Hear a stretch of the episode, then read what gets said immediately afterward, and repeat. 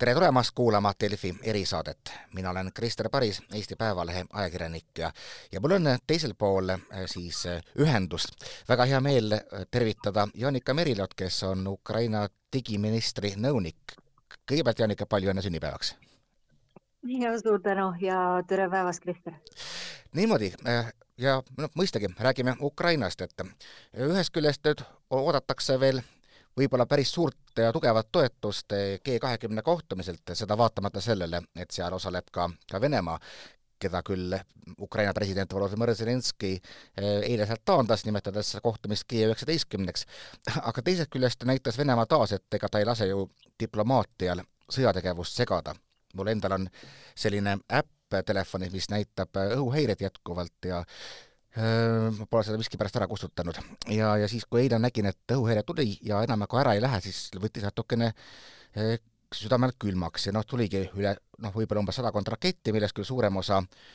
õhutõrje, tõrje poolt alla lasti, aga päris palju kahjuks jõudis ka, ka kohale. ja veel järgnesid siis Poolas plahvatused, mis tõid ka kaasa inimohvreid ja enne seda,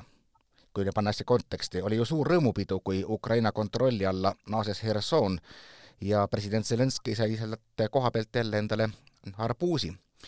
aga võtame, Janika, kõigepealt ette need viimased sündmused ja ennekõike need plahvatused, mis olid tingitud mingisugusest raketist, rakettidest, mis tabasid Poolat. ja ka me ju ei tea, mis seal, mis seal täpselt sünnib, et president äh, Joe Biden Ameerikast ütleb, et pigem ikkagi ei olnud see Venemaa. aga kas, kas ukrainlased nagu nüüdseks juba teavad, et mis seal juhtus? No seda ma arvan, et teab isegi kõige paremini nii Poola kui ka, kui ka Ameerika. ehk siis tegelikult on ju need täiesti jälgitavad, ütleme lennutrajektoorid ja kõik need tükid, mis sealt lenduvad, leiduvad ja ma siin küll ootaksin ära nagu Poola ja Ameerika ametlikku teadaande, mitte ei hakkaks spekuleerima, et siin on väga selline äh, faktipõhine ja uurimuspõhine lähenemine, et mina küll ootaks ära, sest äh, sellest ju sõltuvad edasised sammud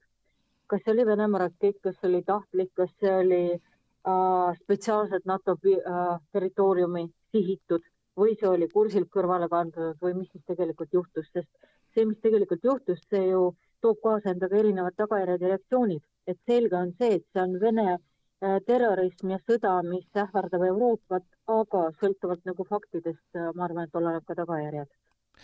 no mida selline eilne raketirünnak kogu, selle sõja kontekstis endast kujutas? ühest küljest noh, umbes sadakond raketti on ikkagi vägagi massiivne. teisest küljest just vist näitas ka seda, et Ukraina õhutõrje on saanud ennast päris heasse vormi. et aga samas toob noh, iga selline plahvatus ju kaasa päris korralikult ikkagi no, peavalu, et mida ennekõike siis eile lõhkuda suudeti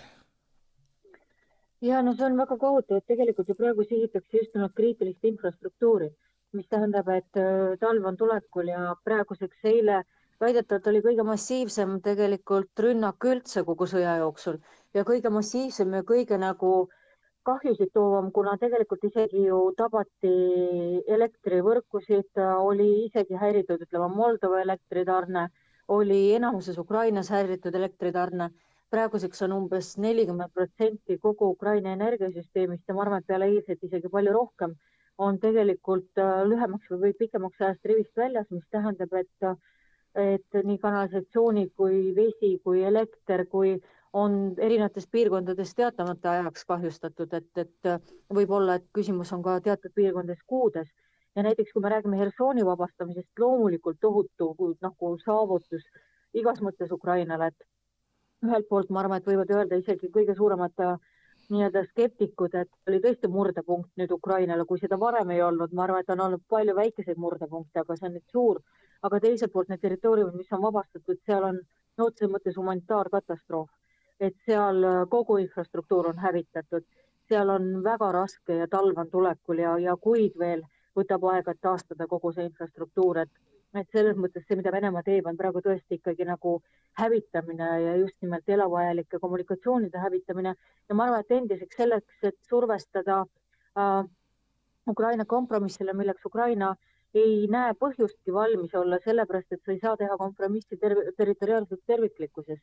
sellepärast, et meil ikkagi oli Budapesti memorandum, mis garanteeris, et Ukraina jääb terviklikuks äh,. kirjutasid alla seesama, ma ei hakka Venemaast rääkima, aga ka USA näiteks ja, ja Ukraina ütlebki, et äh, väljapressimistega, ähvardamistega äh, parem ilma valguse, parem ilma gaasita, aga parem ilma teieta.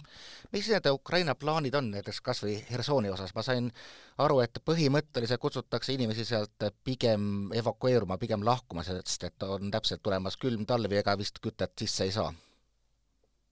Jah, et praegu on pigem tõesti need piirkonnad, et kuigi nad on vabastatud, võtavad ju väga kaua aega veel need taastustööd, kaasa arvatud demineerimine näiteks ja arusaamine, et mis seisukorras on linn, sest see on tegelikult päris suur linn. Ja ei ole tõesti teada, kui ruttu suudetakse taastada need äh, kommunikatsioonid, et isegi on teatud äh, muudes linnades olukord, et soovitatakse äh, mõneks ajaks kolida kas Ukraina piires natukene sellistele äh, nii palju kui võimalik turvalisematele piirkondadele, aga no just sellepärast ka meie omalt poolt, äh, meie MTÜ-ga Heroja Slava tegime sellise väga väikese kampaania muidugi, aga väikestest koosnevadki suured, et kinkida Ukraina elanikele tuhat gaasipliiti ja ballooni, kaasa arvatud Hersoni piirkonnas. Äh, just selleks, et tegelikult selliste väikeste asjadega saab aidata üle elada seda talve, sest kahjuks on väga palju inimesi ka, kellel ei ole kuskile minna. sest on Ukraina selline uskumatu vaprus, et et paljud noh, sellised ütleme välisriikidest arvavad, et, et kindlasti nagu põgenike tulv, sellepärast et ukrainlased väga tahavad põgeneda või, või, või Euroopa nagu on olnud seal mingid jutud, et, et nad tahaksid Euroopasse, tegelikult kõik tahavad olla kodus ja see on täiesti uskumatu, kui nagu viimase piirini tahavad olla kodus. mõttes, et kui palju tegelikult nagu ollakse valmis taluma seda, et sul on pime, sul on külm, kuidagi sa ikkagi hakkama saada, aga peaasi, et oma kodus, et, et seal on kindlasti kahjuks väga rasked ajad tulemas ja ma just lugesin kuskilt, kuidas isegi Bahmuti linnas, mis on ju praegu noh, põhimõtteliselt suurtüki tule all ja mille pärast käivad ägedad lahingud, et ka sinna on umbes viisteist tuhat inimest eh, alles jäänud. ühesõnaga, vaata, kui ka meil on teinud siin poliitikud erinevaid avaldusi, mm, et võib tulla uus põgenikelaine, nagu sa mainisid, et sinu nagu sisetunne ütleb, et pigem, pigem enam ei tule no ta võib olla, no mida me peame laineks on ju, et ma arvan, et suurim laine tegelikult oli juba, oli alguses, aga praegu kindlasti need inimesed, kes vähegi suudavad hakkama saada Ukrainas ja nad kindlasti eelistavad hakkama saada, nad jäävad. muidugi on, kui on olukordasid, kus äh, muutub infrastruktuuri hävitamine veelgi ulatuslikumaks, kus on äh, naised, lapsed, väikesed lapsed on talvel raske hakkama saada, aga see oleneb nüüd ikkagi nagu ütleme niimoodi hävingumäärast, et viimase hetkeni kindlasti ukrainlased pigem on kodus ja pigem on nagu valmis, valmis võitlema ja kui esimesel hetkel, esimeste, esimesel kuul võib-olla oli selline natuke arusaamatus ja natuke paanika, siis praegu on juba sellised, Ukraina vapper hing ütleb, et teate, et elame sellega üle ehk siis ma saan aru, et ikkagi Ukrainas, no mitte ainult Herson, vaid on ikka terved äh, linnad ja külad, kus põhimõtteliselt minnakse talvele vastu teadmisega, et ega ilmselt, no võib-olla elektrit saab, aga ka nagu sooja, majja ei ole võimalik ilmselt nii kiiresti saadagi. jah, ja on isegi ju piirkonnad, äh, ütleme, ma ei räägi isegi linnadest, mida enam kahjuks ei ole olemas, vaid näiteks isegi suurlinnad, ütleme Harkivi, äh, kus ju ka sina oled olnud piirkonnad on, on täiesti hävitatud nii, nii et neid ei ole enam teatud linnaosas ja, ja muidugi nagu äh, on seal hävitatud ka kogu infrastruktuur äh,. isegi Kiievis ju endiselt nagu öösiti ei ole elektrit ja on teatud veel isegi pikemaajalised elektrikatkestused, et see on täiesti üleriiklik, et ei saa öelda, et ainult ütleme piiriäärsed piirkonnad, kus on probleemid, vaid noh, täiesti äh, õhuhäired ja hävingulatused on kogu Ukraina raames tegelikult. vähe, vähem õnneks küll äh, Lääne-Ukrainas ehk siis Lvivi pool ja ütleme äh, seal piirkonnas, aga ikkagi Kiiev on üks, äh, üks sihtpunkt endiselt kahjuks. et panna ka eestlaste jaoks asi nagu konteksti, et mida tähendab selline talv Ukraina mõistes, et noh, Eestis on miinus kolmkümmend mõnikord, no pigem miinus kümme. kuidas on Ukrainas?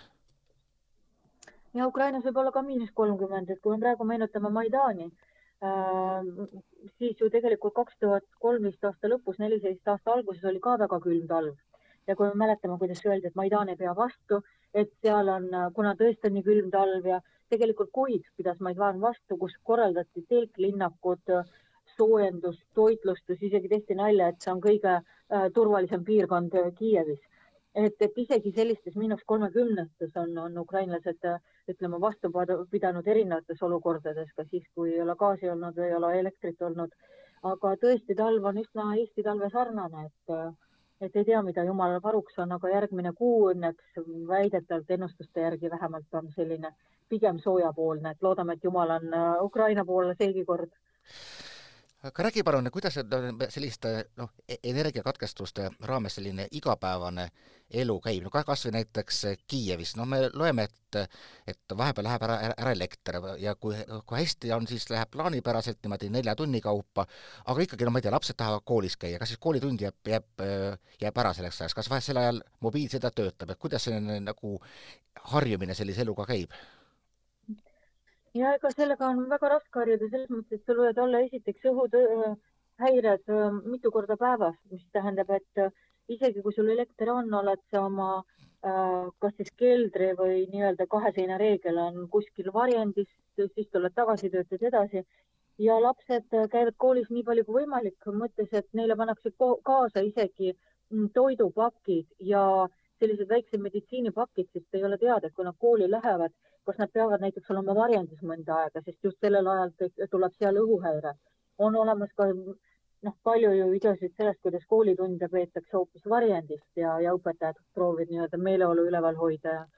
ja samal ajal koolitunde, võib-olla sul on laptop, kus teha õhtul, laps teeb koolitunde laptopiga küünlavalgel otseses mõttes, sellepärast et parasjagu on ära läinud elekter ja on jäänud veel natuke akut, et, et tegelikult see on tohutu adapteerumine, et, et on küll, noh, on selge, et õhtust ööni ei ole elektrit juba üsna pidevalt, aga ei tea ka, millal päeval on. ja näiteks äh, IT-spetsialistidel Ukrainas on ju tohutu arv IT-spetsialiste üle kolmesaja tuhande. Neil on isegi niimoodi, et neil on sellised ühispundid, kus käiakse koos kontoris, kus neil on generaatorid, Starlinkid ja töötatakse nii-öelda väikeste kogukonniti just, et ma mõtlesin, et tegelikult ju kogu see suur ka IT-struktuur vajab väga suures koguses elektrit, aga vähemalt nii-öelda internetivõrk on ja see, mis nagu peab, peab töötama, et see on vähemalt siis mingisuguste tagavarasüsteemidega ka kaetud. Ja, ja see on uskumatu, kuidas telekomi töötajad on tegelikult minu meelest tõelised kangelased, kui ruttu suudetakse taastada levi ja enam, enamus ajast ikkagi on äh, levi ja kui, no ütleme, loomulikult on teatud piirkonnad, kus nagu infrastruktuur saab pihta, aga selleks on ka Ukrainale väga-väga tähtis osa just nimelt see Starlinkidega varustamine, sest praegu on Ukrainas umbes kakskümmend viis tuhat Starlinki terminali, mida kasutatakse just piirkondades, kus on hävinud levi, kus on hävitatud infrastruktuur, kus tuleb see kiiresti taastada, kus on ajutised, äh, ütleme, elektrikatkestused, aga sul on, ütleme, missioonikriitiline töö et, et on olemas tõesti ka sellised äh, võruplaanid, aga tegelikult kommunikatsioon on riigile üks tähtsamaid äh, elus hoitavaid valdkondi ja, ja enamus aeg, ajast ikkagi proovitakse tagada, et see töötab, sest on juurdepääs uudistele, juurdepääs hoiatustele, teavitustele äh,, side lähedastega ja see on tõesti prioriteet. ja ma just äh, lugesin kirjeldusi Hersonist, kus inimesed kurtsid, et vaata kõige rohkem selle üle, et neil on, noh, kuna venelased lasksid lahkudes mobiilimastid õhku, et neil on tegelikult puudu infost, et umbes tuli sinna president ja ega suurem osa rahvast seda isegi, isegi mitte teadnud. küll aga oli pandud Hersoni keskväljakule püsti just nimelt seesama Starlinki mast, et eh, Starlinkiga praegu selles mõttes kõik korras, et vahepeal tulid Elon Muski poolt, kes seda omab, huvitavad sõnumid ja, ja hoiatused, aga, aga vist ta ikkagi nagu võttis tagasi oma äh, soovi panna Ukraina või keegi teine selle eest maksma? ja ta võttis tagasi, aga nüüd ikkagi on küsimus, et peavad olema ka paralleelsed võimalused, et ei saa sõltuda ainult äh, ütleme Starlinkist ja Elon Muskist ja Ukraina on ka otsimas praegu erinevaid alternatiivseid võimalusi lisaks Starlinkile ja samal ajal käivad ka jutud, et kas võiks äh, Pentagon või Euroopa Liit või meie sõbralikud äh, riigid võtta ka Starlinkide finantseerimise enda peale, et ei tekiks sellist olukorda, et jälle ma maksan ja, ja on vaja kuutasusid tasuda, aga ma ei ole valmis seda tegema. et tegelikult praegu õnneks jälle terminalid töötavad enamus, aga otsitakse pigem ka plaani B-d selleks, et äh, nii kriitiliselt infrastruktuuril oleks varuvõimalused ka Starlinkile kui me rääkisime, oli just juttu nendest arvetest, mul tekkis kohe selline huvitav küsimus, et noh, et ilmselgelt mõnedes linnades, kus enamikul inimestel ei pruugi mingit tööd olla, kas või Harkivis, kus mulle öeldi, et et vaid umbes kümme protsenti ettevõtetest töötab, et noh, kuidas nüüd kokku ka, ka selle sooja eest näiteks tasumine, mis üldse on võimalik kätte saada, üldse käib, kas inimestelt nõutakse kommunaalmakse või nad saavad praegu ka seda, seda, seda mitte teha? Ja nad saavad ikkagi ajatada ja nad saavad erinevaid kokkuleppeid kommunaalametitega teha, et see ei ole küll see koht, kus nagu jõuga sisse nõutakse inimestelt ja, ja seal on jah, riik nagu väga, väga, väga vastutulelik, ütleme nendes oludes. Aga samal ajal, kui me vaatame Ukraina riigi üldist olukorda, siis ju järgmiseks aastaks on planeeritud et, et kolmkümmend protsenti SKP-d jääb vähemaks, mis tähendab et, et üheksakümmend protsenti riigi laekumisi ja neid, mis laekub, läheb sõja ehk siis võidu lähenemiseks, sõja lõpetamiseks. Ja kümme protsenti läheb palkadeks õpetajatele, arstidele. Ja Ukraina riigil endal on tohutu eelarve puudujääk. Et on, arvatakse, et eelarve puudujääk on kuskil natuke üle kolme miljardi kuus millest poolteist miljardit lubas toetada Euroopa Liit, juhul kui nüüd Ungari ka ei blokeeri enam edasi, mida me eeldame, et ei tee. Ja sealt jääb ikkagi endiselt päris palju, ütleme niimoodi, eelarvest puudu, et muidugi Ukraina tuleb vastu elanikele, sest no see on nagu elutähtis, et toimiks nii elekter kui valgus kui soojus, aga samas ega riigil endal ka ei ole kerge. Sain ma õigesti aru, et äh, Ukraina nagu praegune sõnum talve eel on inimestele, et ehkki no tõesti, jätame kõrvale need ähm, raketirünnakud, mida õnneks ikkagi iga päev ei tule üle, üle riigi, aga et, et, ärge, ärge tulge tagasi, et äh, oodake parem kevadeni no seal on erinevaid sõnumeid, tegelikult põhisõnum on see, et inimesed ise otsustavad seda, et kui, kui valmis neil on, mis tingimused neil on. aga on tõesti mõned ametnikud ka öelnud, et kui te olete juba Euroopas või kui te elate juba kuskil väljaspool, siis oodake veel külm talv üle seal, kus te olete. et ei ole loomulikult seda, et evakueeruge Ukrainast, seda kindlasti ei ole, aga pigem, et kui teil on võimalus veel oodata, siis äkki te veel ootate, aga see olen juba, teised on vastu öelnud, et teate, et inimesed ise otsustavad, kus ja millal ja mis oludes nad on võimelised ja valmis hakkama saama. nojah, see on selline eh, täiskasvanud riigi suhtumine oma täiskasvanud eh, ja otsustusvõimelistesse inimestesse, erinevalt eh, näiteks siis Ukrainale kallale tunginud naabrist. aga kuidas selle ikkagi sa mainisid seda kolme miljardit, vahepeal isegi räägiti viiest ja üheksast, aga ütleme, et kolm miljardit eurot või dollarit on, on tohutu summa ja poolteist on ju katab Euroopa Liit, et kui noh, mille arvelt, et kas, kas siis trükitakse raha juurde või kuidas üldse äh, on võimalik sellist puudujääki vastu pidada? ja äh, eelmine aasta oli tõesti viis miljardit, aga sellest on nüüd kulusid oluliselt kärbitud ja teatud, ütleme, äh, erinevad ehitused ja, ja, ja suured projektid seisma pandud aga seda on võimalik, kahjuks on, eeldatakse, et see kolm miljardit on doonorite abiga katmiseks. ehk siis Euroopa Liit on ju, Euroopa Liit kui, kui selline on olemas Euroopa Liidu liikmesriigid, kes omaette saavad osutada finantsabi, mida nad on ka teinud ja isegi palju nii-öelda etteheiteid saanud Saksamaa on tegelikult andnud ka finantsabi äh, oluliselt. see tähendab ka Ameerika finantsabi, see tähendab ka erinevaid äh, doonorfonde, erinevaid äh, struktuuri taastamise ühekordseid makseid, et tegelikult see on täiesti, ütleme, teadlikult sisse planeeritud miinus, aga samal ajal Ukraina kogu aeg optimeerib oma kulusid ja praegu on plaanis vähendada näiteks ministeeriumite arvu, ametnike arvu olulisel määral, et teiselt poolt ka kulusid jooksvalt vähendada. no teisest küljest selle, see muidugi ametnike arvu vähendamine ju tähendab seda, et jällegi jääb terve hulk inimesi ilma sissetulekuallikata. oskas, oskad sa mulle kirjeldada, kui äh, tõsine see nii-öelda majanduslangus, mis on nagu noh, kolmkümmend protsenti nagu riigi jaoks on üks summa, aga teine asi ikkagi nagu, kui palju see tähendab inimestele, kui palju on praegu neid, kes on noh, mitte suhtelises, vaid ikkagi absoluutses vaesuses, kes sõlt-, ainult sõltuvadki kellegi abist, et üldse süüa saada? tegelikult palju, ma ei oska nüüd numbrina loomulikult öelda või protsendilise suhtarvuna, ma arvan, et ka Ukraina ei oska seda praegu öelda, aga praegu on tõesti nagu kõik sellises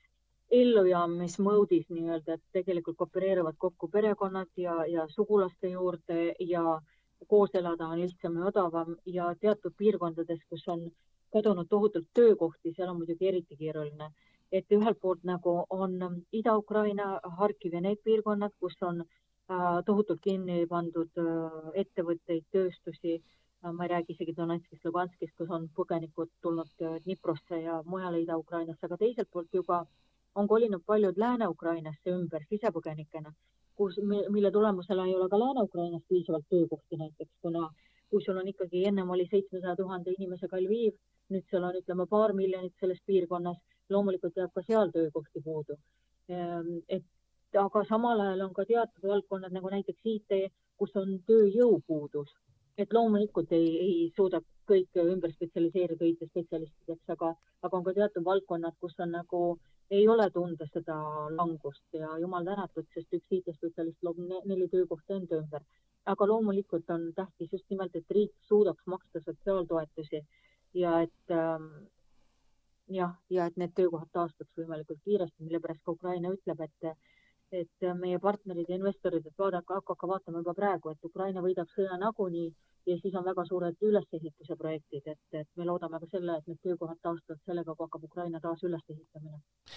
mis sa arvad, kuidas hakkab see ülesehitusprojektide raha tulema, mingisugune raha tuleb, mingisugune Marshalli plaan, ütleme, Ukraina jaoks kindlasti lääne poolt tuleb, aga siis on ka erinevad seisukohad, ühed ütlevad, et et noh, me peame tegelikult seda raha suunama ise eh, lääne poolt, et mitte nagu tekitada juurde korruptsiooni, teised ütlevad, et vabandust väga, aga see on ju täielikult nii-öelda ühe iseseisva riigi mõtlemise vastane, et, et see pigem tekitab sellist mõttetut sõltuvust ja kas ta, kas, kas see tegelikult ka üldse aitab korruptsiooni vähendada, ehk siis kuidas see rahavood, ütleme, kogu sellise noh, üldise korruptsiooni taustal, no Ukraina ju varem, enne sõda vähemalt, oli ju korruptsiooni edetabelites väga madalal kohal, kuidas see mm, tegelikult äh, käima hakkab ma arvan, et mõlemat mõttes, et ähm, esiteks ma usun väga sellesse, et äh, PPP ehk private public partnership, mis tähendab, et tegelikult koostöös, et on ju väga palju selliseid objekte, mida tuleb hakata taastama, näiteks infrastruktuuri objektid, mis tähendab lennujaamad, rongijaamad äh,, mida on võimalik ju teha koostöös eraettevõtlusega.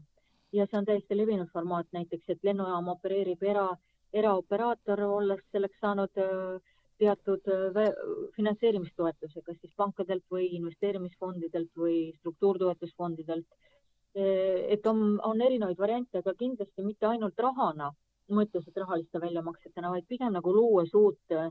uusi töökohti ja nagu investeerides. näiteks praegu üks projektidest, mida Ukrainas on küll pikaajaline perspektiiv, aga mida Ukraina tahaks saada, on kaks tuhat kolmkümmend aastal maailma EXPO läbiviimine Odessas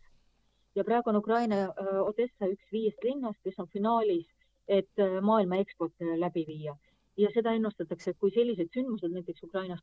toimuvad,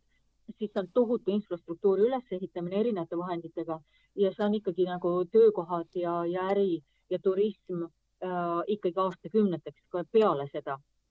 et pigem on nagu eesmärk tekitada juurde neid äh, ütleme, võimalusi Ukrainal endal raha teenida, mitte lihtsalt kinni maksta, ehk siis äh, nii koostöös äh, erinevate investoritega, välisinvestoritega, strateegiliste investoritega, fondidega äh, ja just sellised jätkusuutlikud projektid. noh, enne sõda ju Ukrainat ikkagi päris tihti ka kirjeldati sellise oligarhide riikina, riigina, kus ka mingid piirkonnad olid väga rikaste ärimeeste poolt ära jagatud. kas sõda toob mingisuguse muutuse sellisesse üldisesse mõtteviisi ja, ja noh, ärikultuuri? sõja alguses oli ju isegi huvitav olukord, kus tänu sellele kaks tuhat neliteist siis et olid ära jagatud, nii-öelda ära jagatud tinglikult jah, piirkonnad oligarhide vahel, siis isegi oli olukord, kus äh, president Porošenko pakkus nendele piirkonna oligarhidele, et saage oma piirkonna kuberneriks, et teie tunnete oma piirkonda kõige paremini, teil on kõige rohkem mõjujõudu seal, teil on kõige rohkem vahendeid ja et toetada, et nüüd äh, astuge üles oma piirkonna eest. Mille tulemusel ju näiteks Kolomoiski sai Dnipropetrovski oblasti kuberneriks ja Ahmetov ütles, et ei tänan aga jah, praegu on ju üks ähm, president Zelenski eesmärkidest vähendada oligarhide mõju Ukraina majandusele, mis on tohutult raske tegelikult, sest kui sul on reaalselt äh, arvestatav osa parlamendist mõjutatav erinevate oligarhide poolt, kui sul on erinevad ärid, mida see seadustega ei saa ära võtta, kuna see on eraettevõtlus, äh, on omatud erinevate oligarhide poolt, kuna nad teiselt poolt ka toetavad teatud finantsidega praegust äh, sõda ja Ukraina võitlust siis on see kindlasti väga-väga nagu raske võitlus oligarhia vastane, ütleme niimoodi, et sa kasutaksid ikkagi õigusriigi võtteid ja samal ajal on see selge, et, et oligarhia kui selline nähtus ei, ei, ei peaks eksisteerima, ütleme. et äh, see on ka praegu nagu sõja ajal on noh, paralleelselt võetakse vastu teatud seaduseid, mis nagu piiravad äh, oligarhide võimu, aga teiselt poolt on vaja leida kiiresti need turumajandus nagu meetodid, kuidas mitte doteerida mingeid ettevõtteid, kuidas äh, et tagasi tuua riigi omandusse, mida riik praegu teeb, et konfiskeeritakse otseses mõttes oligarhidel, kes äh, ei ole olnud nii Ukraina-meelsed, kui praegu sõja ajal oleks kriitiline, et, äh, et kindlasti oligarhia vastane võitlus on Zelenskõi ka üks selliseid võtmesõnu. aga vähemalt need suurem osa oligarhe, me, me ju teame üksikuid erandeid äh,, ikkagi täiesti on praegu Ukraina poole peal, ei ole sellist kahe vahelolekut näiteks, mida varem võis sellesama Ahmetovi puhul tunnetada? Tead, ei ole ja tegelikult vaadates Ukraina poliitilist pilti või maastikku, ma ütleks, et Eestis on rohkem poliitikuid, kes nii-öelda esinevad väga kahtlaste Eesti või Euroopa või, või vaba maailma vastaste avaldustega kui Ukrainas. et ausalt öeldes praegu on kohati nagu piinlikum kuulata Eesti poliitmaastikku kui Ukraina. ja veel üks küsimus sellise äh, igapäevaelu kohta. kui ma käisin seal ja ma uurisin, et, et kuidas on nagu sõda mõjutanud sellist asja, nähtust nagu, nagu lihtsalt äh, noh, kuritegevus, et mulle öeldi, et on oluliselt langenud. kas, kas sinu tunnetus on sama, et tegelikult on, on muutunud inimesed üksteise suhtes äh, hoolivamaks ja tegelikult hoopiski vähem üksteist ära kasutavaks? jah, on küll ja, ja palju on ka ju, mina elan tegelikult väga Ukraina sise nagu inforuumis, et kuidas inimesed omavahel nagu suhtlevad ja mis on need mured ja prioriteedid ja, ja väga kuidagi soe on, on vaadata, kuidas inimesed isegi nagu mingites sellistes argikohtades või probleemides, kus varem ütleme niimoodi vinguti, siis praegu öeldakse, et tead, me lahendame selle peale sõda, et praegu kõik hoiavad kokku, edasi oma järgmise mured lahendame peale sõda. Et, et on küll ja, ja väga palju rohkem sellist nii-öelda nagu kokkuhoidmise tunnet ja täiesti noh, uskumatult liigutav on kuni selleni välja, et, et liftis on näiteks paljudel sellised naabrid jätnud mingid väikesed kotikesed, et siin on sulle päevaseks äraelamiseks toit ja rohud, kui te peaksite näiteks lifti kinni jääma. et sellist mitte ainult kuritegevuse vähenemist, vaid ka tohutut hoolimist, et, et noh, see on väga liigutav, kuidas noh, üksteisest väga palju rohkem hoolitakse, ka nendest, keda ei teata ega ei tunta, aga et me oleme üks nagu no ega eestlastel ole võimalik ukrainlastest hoolida, eks neid kõikvõimalikke erinevaid kampaaniaid, eriti sõja alguses oli hästi palju, tuli annetusi, nüüd on, arvata võib, et ka, ka Eesti inimestel ka sellised noh, enda varudki, millest toetada on, on mõnevõrra väiksemaks jäänud. ometi nüüd jah, nagu sa ka mainisid, aga siis sinu organisatsioon Herojem Slava alustas siis kampaaniat, et, et viia erinevatesse piirkondadesse, ma saan aru siis, et Harkiv, Dnipro ja, ja Herson, sinna kanti siis mm, pliite ja gaasiballoone ja ühesõnaga, et kui, kui et räägi palun sellest kampaaniast paari sõnaga lähemalt, et kuidas, kuidas see peaks nagu välja nägema, et kas me hakkame siis tooma kuskilt Euroopa Liidust sinna üle piiri pliite või on, või nad tegelikult koha pealt võetavad või kuidas see käib üldse? Just, et kuna tõesti me saame aru, et Ukrainas on tulemas see külm talv ja, ja võib-olla isegi väga külm talv ja teatud piirkondades ei suudeta nii kiiresti taastada infrastruktuuri siis on nagu väga tähtis, et oleks vähemalt sellised kõige lihtsamad võimalused teha endale süüa ja, ja seda saab kõige sõltumatumalt gaasipliitide ja nende gaasiballoonidega. ja meil on linnad, kellega me oleme töötanud juba aastaid-aastaid erinevates heategevuse projektides. see on tõesti Harkiv ma olen ju ise olnud väga palju Dnipros ja Dnipropetrovski piirkonnas ja meil on koostöö kohalike organisatsioonidega ja linnavalitsusega, kes aitab meil leida need inimesed ja need piirkonnad, kellel on just äh, nagu pikaajalisemad elektrikatkestused ees, kellel on äh, teada ja aru saada, et see äh, elekter ei taastu, ehk siis nagu sul ei ole elektriviitli, sul ei ole sooja toidu võimalust, siis koos nendega me Eestis toome tuhat gaasipliiti sellist laua peal äh, ja täiesti korralikku kvaliteetset kahekohalist gaasipiiti. ja Ukrainast on võimalik osta gaasiballoone, aga täita neid gaasiballoone, et tegelikult kombineerime kokku, et siit on,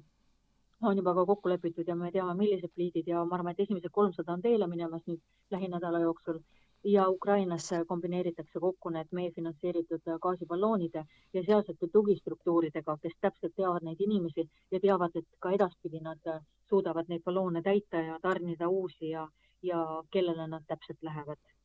kuule, aga räägi palun, kuidas need inimesed, kellele neid pliite vaja on, praegu hakkama saavad, no me mäletame kaadreid kas või Mariupolis, kus tehti majade ees lõkkeid ja kas käib umbes siiamaani, niimoodi käibki?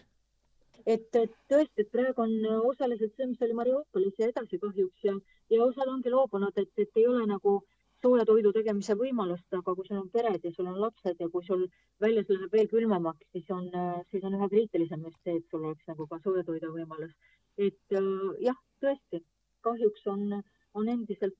puuhalud ja proovitakse hankida just nimelt neid balloone, et ukrainlased leiavad ise ka, et tegelikult selline klaasi, gaasipliidi variant on kõige optimaalsem. ja nüüd meie eesmärk ongi, et tarnida esimesed tuhat just nendesse punktidesse, kus äh, sul ei ole reaalne käia hoovis halgudega süüa tegemas talvel no loodame, et vähemalt siis tuhandelegi perele saame, saame eestlaste abiga tekitada võimaluse see talv noh, natukenegi kergemini üle elada, me ei, ei, ei tekita, meil küllap pole mingeid illusioone, et see saab olema igal juhul väga-väga raske. aga Jaanika Merilo äh,, suur aitäh sulle sellist ülevaadet andmast, loodame, et inimesed leiavad ka võimaluse sinu kampaaniaga kaasa tulla ja natukene toetada. et mina olen Krister Paris jah, mina olen Krister Paris Eesti Päevalehest äh, ja jälle kuulmiseni siis uutes erisaadetes ning loodame, loodame kõik, et see mm, saab otsa võimalikult kiiresti ja saab otsa seda Ukraina tingimustel ehk, ehk Ukraina võiduga, aitäh!